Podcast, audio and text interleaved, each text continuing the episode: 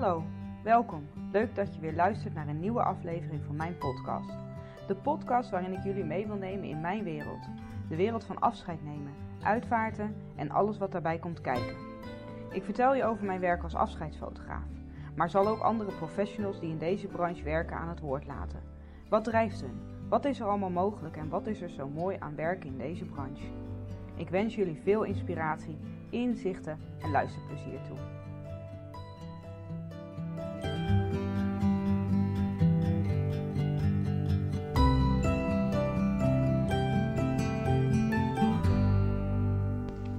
Hey, superleuk dat je weer luistert naar mijn podcast. En uh, vandaag heb ik een gast en dat is Astrid. Astrid uh, heeft als bedrijf Rauwhout. En uh, ja, het woord zegt het eigenlijk al. Zij maakt herinneringsitems van hout die ze door middel van ontwerpen personaliseert. ze brandt daarin teksten, afbeeldingen. Um, maar wat heel mooi is, is dat ze dat niet alleen op bestelling maakt, maar ook een rauw arbeid, zoals dat noemt, met mensen aangaat. Dus nabestaanden gaan zelf, kunnen bij haarzelf aan de slag gaan om een herinneringsitem te maken. Dus echt daadwerkelijk met hun handen bezig gaan, uit hun hoofd, in hun lijf en uh, iets creëren wat, uh, wat zich herinnert aan, uh, aan hun dierbaren. een heel mooi en open gesprek en ik nodig je uit om lekker verder te luisteren. Heel veel plezier. Goedemorgen Astrid, leuk je te gast hebben in mijn podcast. Ja, goedemorgen, hartstikke leuk. Um, ja, ik vind het altijd fijn als uh, mijn gasten zichzelf eerst even voorstellen. Wie ben je? Wat doe je? Waar kom je vandaan? Um, mijn naam is Astrid van der Ham. En ik, uh, ik woon mijn hele leven al in de Alblassewaardse polder. Um, ik, uh, ik woon daar met mijn man en mijn drie kinderen. en nou ja, jaren in de horeca gewerkt tot een uh, jaar of tien geleden. Toen heb ik een switch gemaakt naar de uitvaartwereld.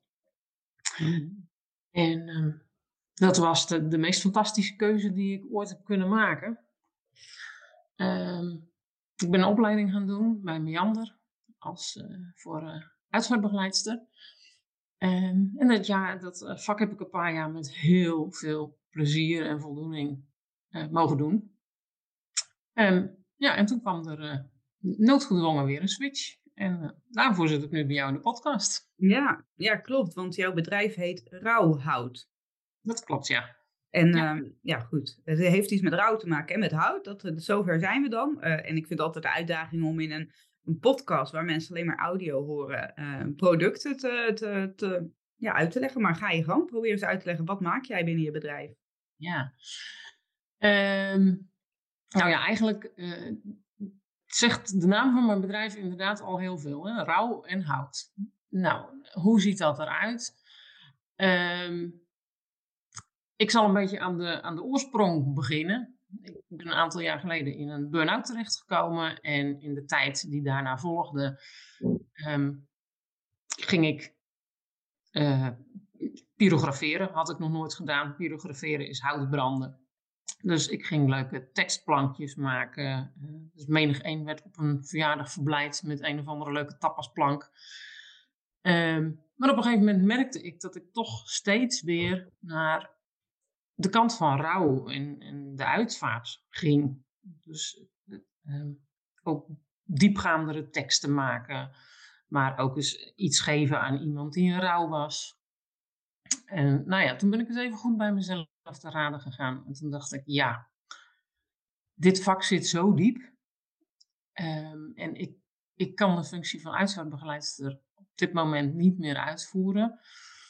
Um, fysiek trekt mijn lichaam dat niet. En toen dacht ik, ja, binnen mijn beperkingen, wat kan ik dan wel? En toen dacht ik, nou, dan ga ik een bedrijf opstarten uh, waarbij ik mijn eigen uren kan bepalen. Um, en dus ook gewoon rustig aan kan doen als ik slechte dagen heb. En um, daarbij wil ik mensen gaan ondersteunen die in rouw zijn. En ondersteunen, dat doe ik dus door uh, herinneringsitems te maken, maar ook um, bijvoorbeeld grafmarkeringen, houten schijven waar ik uh, namen, teksten, afbeeldingen op kan branden die als tijdelijke zet ik altijd tussen haakjes, grafmarkering op een graf kunnen komen te liggen. Mooi. En ehm, eigenlijk bestaat mijn bedrijf uit vier pijlers. Ehm, want ik vind het ook heel mooi om met de rouwende zelf aan het werk te gaan. Dus dan hebben we face-to-face ontmoetingen. En dan is het eerst van, nou vertel maar eens, wie mis je? En wat was jullie verbinding? Ehm, nou ja, het gesprek op zich alleen al kunnen voeren is al heel helend. Want ja, rouwende merken meestal al heel snel van... ehm, ja, de eerste keer en de tweede keer mag je je verhaal wel vertellen. Bij de derde keer haken mensen al af. En de vierde keer denken ze, oh, heb je haar weer. Dus nou ja, het verhaal op zich weer vertellen is al heel helend. En ehm, daar probeer ik dan een symbool of een passende tekst of een, een, een klein regeltje uit een liedje. Of ehm, een, we kunnen ook aan de gang gaan met bijvoorbeeld een vingerafdruk. Dus we maken een mooi ontwerp. En dan in een ander dagdeel gaat de rouwende zelf aan het branden. Mm. Natuurlijk ben ik daarbij en help ik. Ehm, maar op die manier ben je met je rouw aan de arbeid. Ja. Ik ben er echt van overtuigd dat dat heel helpend is in het rouwproces.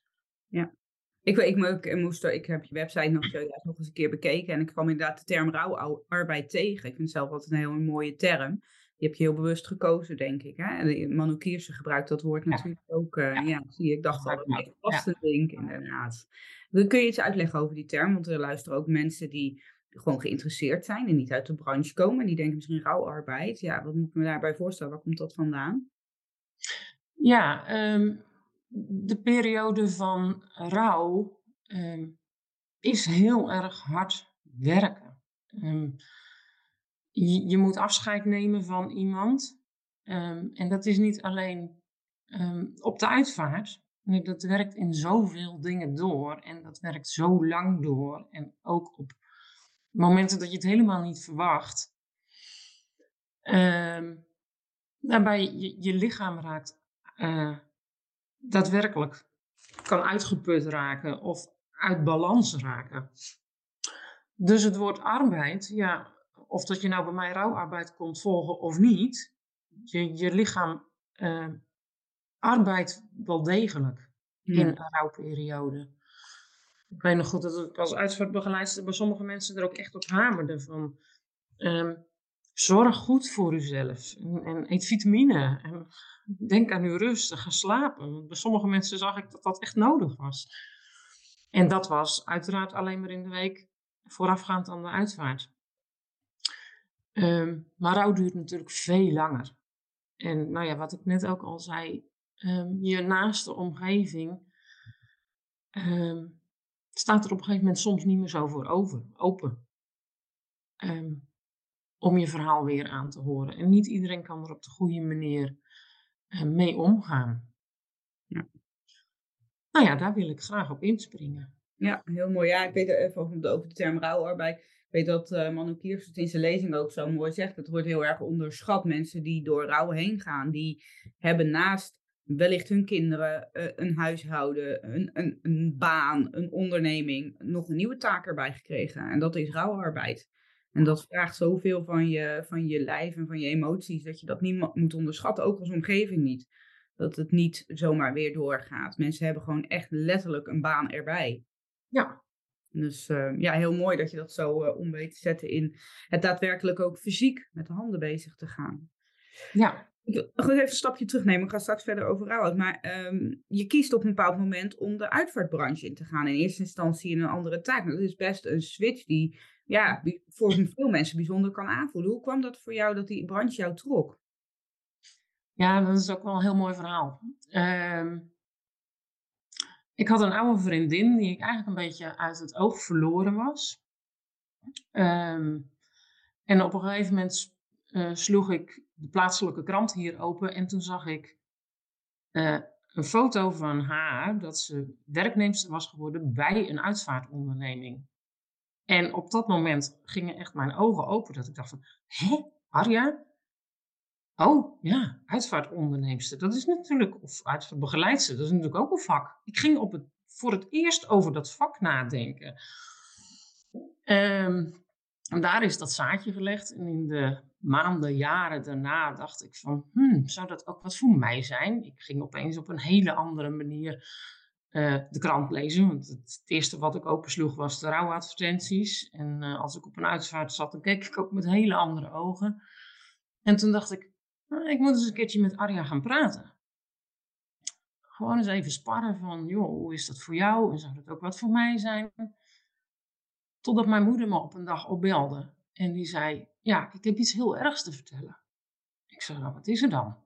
Ja, Arja is overleden. Nou, ik, ik kon het helemaal niet bevatten. Ik heb het daar zo vreselijk moeilijk mee gehad. Um, om haarzelf, maar ook voor mezelf een, een wake-up call van wacht niet met de dingen die je wilt doen. Doe het nu. Want ik liep al zo lang van ja, ik moet haar eens gaan spreken. En ik deed het niet. En toen kon het niet meer. Nou, ik heb toch de beslissing genomen om de opleiding te gaan doen. En uh, Arja is in de hele opleiding, bij mij zat ze erin verweven. Hmm. En dat, ja, dat was zo mooi. Op de dag dat ik examen had, toen reed ik op de snelweg. Um, het is best een eentje rijden naar Zwolle, waar uh, Meander zit, de opleiding. En op de snelweg kijk ik op een gegeven moment naast me. En ik zie een busje. En in dat busje zit de man van Arja. Dat ik echt dacht van, nou, oké, dit moet goed komen vandaag. Ik had hem nog nooit op de snelweg gezien. En toen wel. En het was ook echt maar drie seconden dat ik hem zag. En daarna moest hij afslaan. Dat ik echt dacht, ja, sorry, maar toeval bestaat niet hoor. Dit, uh, dit is heel mooi. Ja. Dus nou ja, op die manier is bij mij op een hele bijzondere manier een, een zaadje gelegd. Um, want heel vaak hoor je natuurlijk dat mensen in de uitvaart terechtkomen, juist doordat ze um, een, een, een dierbare hebben verloren en dan of de ene kant of de andere kant van het vak gezien hebben. Hè. Het was of heel mooi en dat willen ze ook, of het was vreselijk en ze willen daar verandering in brengen. Ja. Nou ja, variant 3 is, uh, mijn familie zit in het vak, dus ik ook. En ik behoor eigenlijk tot de gelukkigen. Ik heb nog geen, uit mijn hele naaste kring, nog geen dierbare verloren. Ja. Ik moet eerlijk zeggen, mijn schoonvader leeft niet meer. Die was al overleden voordat ik in de familie kwam. Ja. Daar wel even recht aan doen, maar... Ja. Dus nou ja, in, in die zin uh, ben ik wel een vreemde eend in de bijt. Ja, oh ja, nou ja, goed, ik heb datzelfde. Ik, ik heb eigenlijk ook nooit iemand echt dichtbij verloren. Dus voor mij is het ook, uh, dan, dat denken mensen inderdaad heel vaak. Ook heel veel afscheidsfotografen hebben dat. Van ik heb heel, zoveel, zelf zoveel uh, waarde aan beelden van het afscheid van die en die gehad. Ik wil dat zelf ook. Dus dat is heel vaak het verhaal van mijn coaches, maar dat is niet mijn verhaal inderdaad. Nee. Dus, maar er meer die dat hebben. er zijn natuurlijk heel veel vormen van rouw in het leven. dat is staat niet iedereen bij stil. Nee. Ik ben mijn gezondheid verloren. Ja, dat is ook een proces. Zeker. Ja, ik heb veel rouw, uh, rouwcoaches ook uh, in mijn podcast gehad. En die zeggen dat ook. van ja, rouw denken mensen gelijk aan de dood. Maar je kan op heel veel manieren uh, rouw ervaren. Dat kan verlies van baan, verlies van gezondheid. een vriendin die emigreert. Um, het, het, is van alles. ja, verlies van vrijheid. nou, het kan heel veel zijn. Dus ehm, ja. Maar goed, uh, het, uh, het creativiteit zat er dan waarschijnlijk al, al langer wel in dat je uh, met je handen iets ging doen. is me met de paplepel ingegoten. ja, hoe ben je zo op de houtbronnen gekomen? Dat was dat, dat gewoon je interesse, dat je dacht, oh dat vind Joh, ik wilde eens wat nieuws proberen. Ik denk, ik, ik koop zo'n pen en ik ga maar eens proberen. Nou, dat bleek ik wel leuk te vinden. Ja, precies. Heb je nou een heel atelier? Of, Ik heb inderdaad boven een kamer waarin het ene houten plankje naar de andere houten boomschijf en een kistje. En uh, nou ja, van alles en nog wat staat er. En daar zit ik altijd lekker. Ja. En is uh, bij jou wat je hebt, is dat op, heb je een webwinkel of is altijd alles op bestelling? Hoe werkt het? Nee, ik heb geen webwinkel. Want in een webwinkel uh, maak je dingen vooraf en verkoop je die. En dat wil ik dus niet, want ik wil het echt persoonlijk maken. En het woord persoonlijk vind ik bijna een vervelend woord, want iedereen gooit met het woord Ja, dat is een soort van jeukwoord geworden voor mensen, ja. Ja, ehm, maar ik wil dat in de, de herinneringsitem. Ik vind een pro- product, vind ik, het woord product vind ik iets wat in tientallen verkocht wordt. Dus ik heb ook heel bewust gekozen voor herinneringsitems. Oh. Ehm, ik vind dat degene die gemist wordt, herkend mag worden in het item wat we maken. Dus als iemand ehm, iets van mij wil, dan gaat daar ook echt wel een gesprek aan vooraf. Want ik moet ergens wel mijn informatie vandaan halen. En Ja. soms kan dat heel kort zijn. Ik kreeg een keer een opdracht en dat was, ehm, er is een jonge jongen overleden. Hij hield van giraffen en zijn ouders ehm, symboliseren hem nu in een ster. Ik heb daar wel weer wat moois van gemaakt. Met vier regeltjes korte tekst waarin zowel de giraf als de ster aangehaald werd. Ja, ehm, dan maak je het wel persoonlijk. Ja, ja, precies. Ja, heel mooi. En ehm, wat, is, wat is de mooiste opdracht die je hebt, eh, hebt gekregen, die het meest is bijgebleven? Ehm, oh ja, ik vind heel veel dingen mooi. Daar Ehm, waar aanhouden, dan krijgen mensen ook een beetje gevoel bij wat je maakt. Ehm, een meneer had in zijn Bijbel een briefje gestopt. En dat vond de familie na het overlijden. En de familie heeft dat gebruikt om op de rouwkaart ehm, te, te, te zetten. En ik heb dat weer overgenomen van de rouwkaart. Dus in zijn handschrift heb ik een tekstbord gemaakt. Ik heb daaronder een plankje nog gemaakt waar een kaarsje op staat. En dat hangt nu bij de familie aan de muur.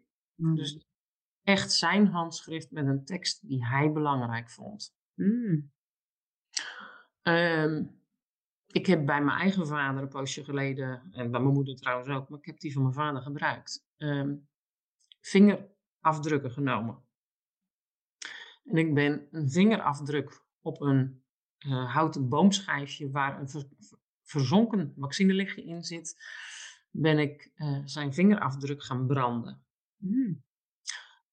Ehm, het is voor mij heel waardevol. Een ander zegt, is dat een vingerafdruk? Want ik heb hem uitvergroot. Maar dat doet er niet toe wat een ander erin ziet. Ik merkte dat ik tijdens dat branden zo dicht bij mijn gevoel kwam. Eh, mijn vader is namelijk ziek. Eh, leeft nog wel. Maar ja, we weten wel dat het eh, nou ja, hoogstwaarschijnlijk geen jaren meer gaat duren. Ehm, dus ik kwam al zo dicht bij mijn gevoel. En dan maakt het voor mij niet uit of dat een ander nou ziet dat dat een vingerafdruk is of niet. Nee. Ik vind het gewoon voor mijzelf heel veel waarde hebben. Ja, ook, maar ook het proces dus. En Ja, het proces. Wat Ja, ik zo hoor. Het is niet van, ik heb nu dat die schijf met dat vaccinelichtje en daar zijn, maar meer het proces van ermee bezig zijn. Ja. Dus Ja. dat is ook waar de mensen die jij begeleidt ook doorheen gaan op dat moment. ja, en daarom heb ik ook het liefst dat mensen het zelf maken en niet dat ik het maak. Als iemand dat niet wil, prima, doe ik dat. Maar ik vind het het mooiste als mensen zelf aan de slag gaan. Ja. Ja, en ik werk heel graag met natuurlijke materialen. Ehm, een, een boomschijf waar een scheur in zit, die scheur die gebruik ik. Ja, precies. Ehm, ik heb eens een keertje een vaccinelichtje in de scheur geplaatst.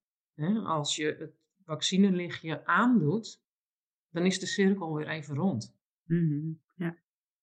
Het gat wat in het leven is geslagen. Ehm, ik heb er pas ook eentje gemaakt.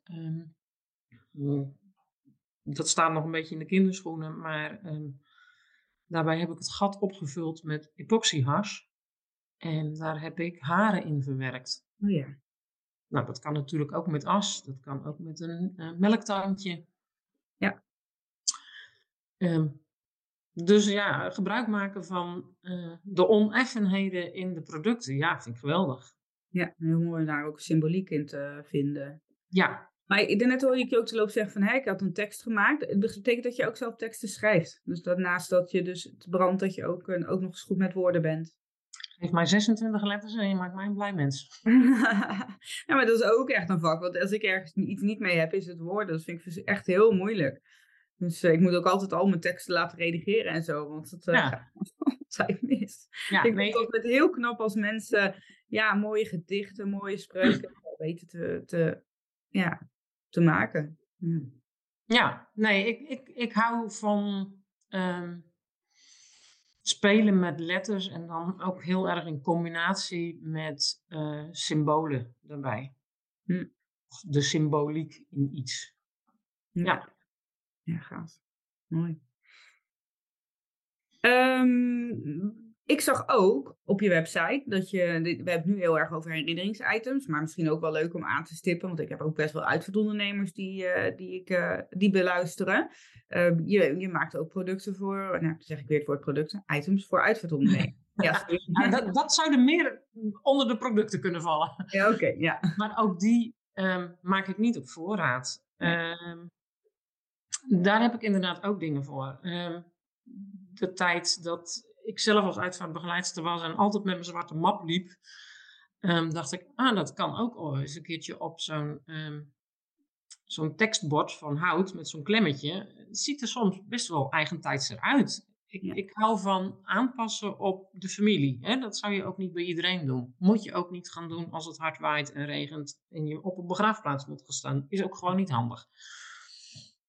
Ehm, maar die kan ik doen. En op de achterkant kan je dan een hele mooie tekst of heel subtiel je logo. Ehm, maar ook de eh, fotolijstjes eh, die altijd gebruikt worden. Nou, de plexiglazen die zijn altijd gekrast. De glazen fotolijstjes die breken nog wel eens onderweg naar de condoleance.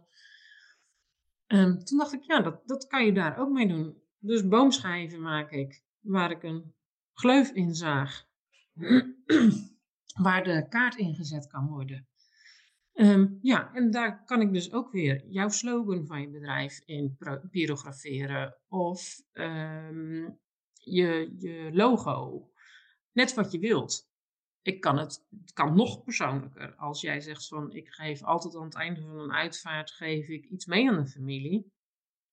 Dan heb ik een, eh, boomschijfje van 10, 15 centimeter waar een verzonken vaccinelichtje in zit. Ja, daar kunnen we een, een tekst opbranden. Die kan je gebruiken tijdens de uitvaart. Want dat is zo klein, dat krijg ik echt wel in een week af. Als je bijna niet op de laatste dag gaat bellen. En dan kan je die tijdens de uitvaart gebruiken en dan kan je hem daarna gelijk meegeven. Ja. Ja, dan denk ik, dat zijn de persoonlijke dingen waar ik zo van hou. ja, precies. Ja, mooi. En wat ik ook aan uitvaartondernemers aanbied is, ehm, kom je er nou eens even niet uit, omdat je in hetzelfde cirkeltje altijd zit en eens wat nieuws wilt, of ehm, gewoon tijdgebrek.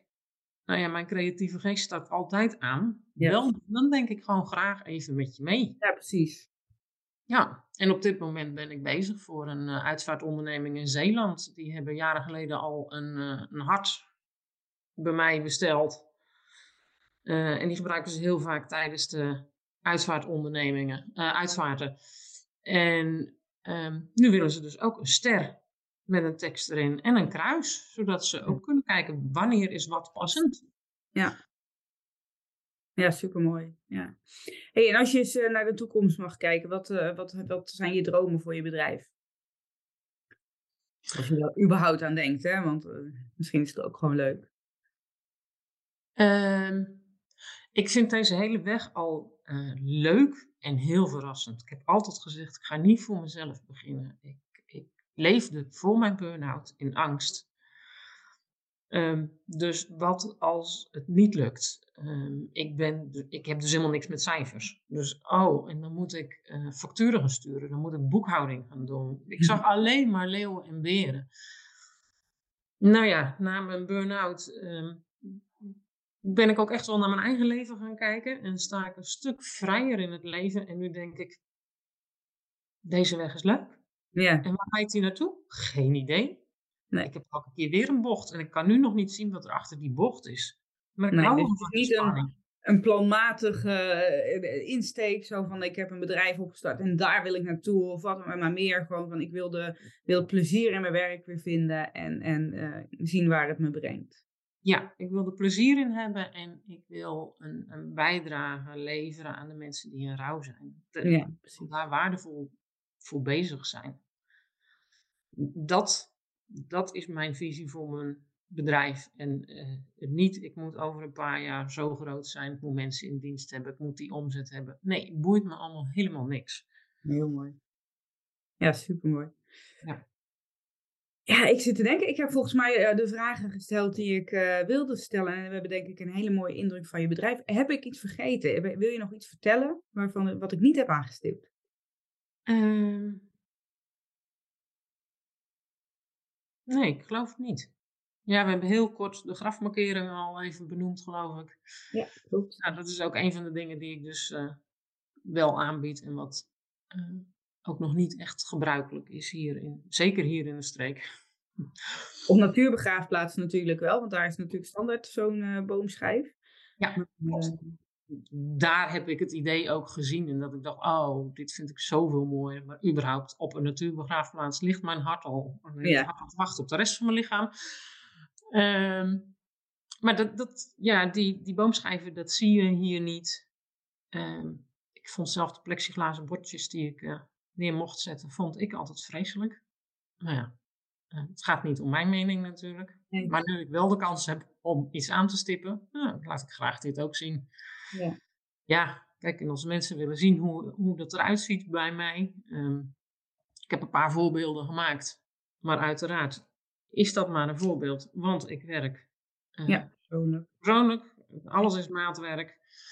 Maar dan kunnen ze altijd een kijkje nemen voor voorbeelden op mijn site. Nou ja, ik zeg altijd in elke podcast ik uh, in de show notes altijd uh, de website en de social media van degene die ik spreek. Dus mensen kunnen inderdaad, als ze een beeld willen krijgen, is door, uh, doorklikken inderdaad. Dus ja. ja. Tof. Ja, ik eindig mijn podcast altijd met, met een, dezelfde vraag voor iedereen. En ehm, dat is de vraag, welke levensles zou jij willen meegeven aan de luisteraars? Oeh. Ja. um, welke levensles? Nou, het, het leven is geen uh, glad geplaveid weggetje. Het heeft zijn, uh, zijn kuilen. Dat heeft zijn scheuren. en um, als ik naar mezelf kijk, dan zijn het wel die scheuren in mijn leven geweest die uiteindelijk hebben gemaakt dat, uh, dat ik bij mijn hart ben gekomen. Ik heb die zelf inderdaad, die tekst ook op een, uh, op een boomschijf met een scheur gebrand. Het zijn de scheuren die maken dat we het hart raken. En dat is het voor mij wel. De, de diepgang heeft diepgang met pijn heeft uh, net zoveel mooie uitwerkingen voor mij gehad. Ik moet hem echt bij mezelf houden. Um, als dat het, nee, het heeft me meer gebracht als dat het me gekost heeft. Ja. Dat, ik hoop dat een ander dat ook kan vinden. In de diepte en de pijnen en de scheuren.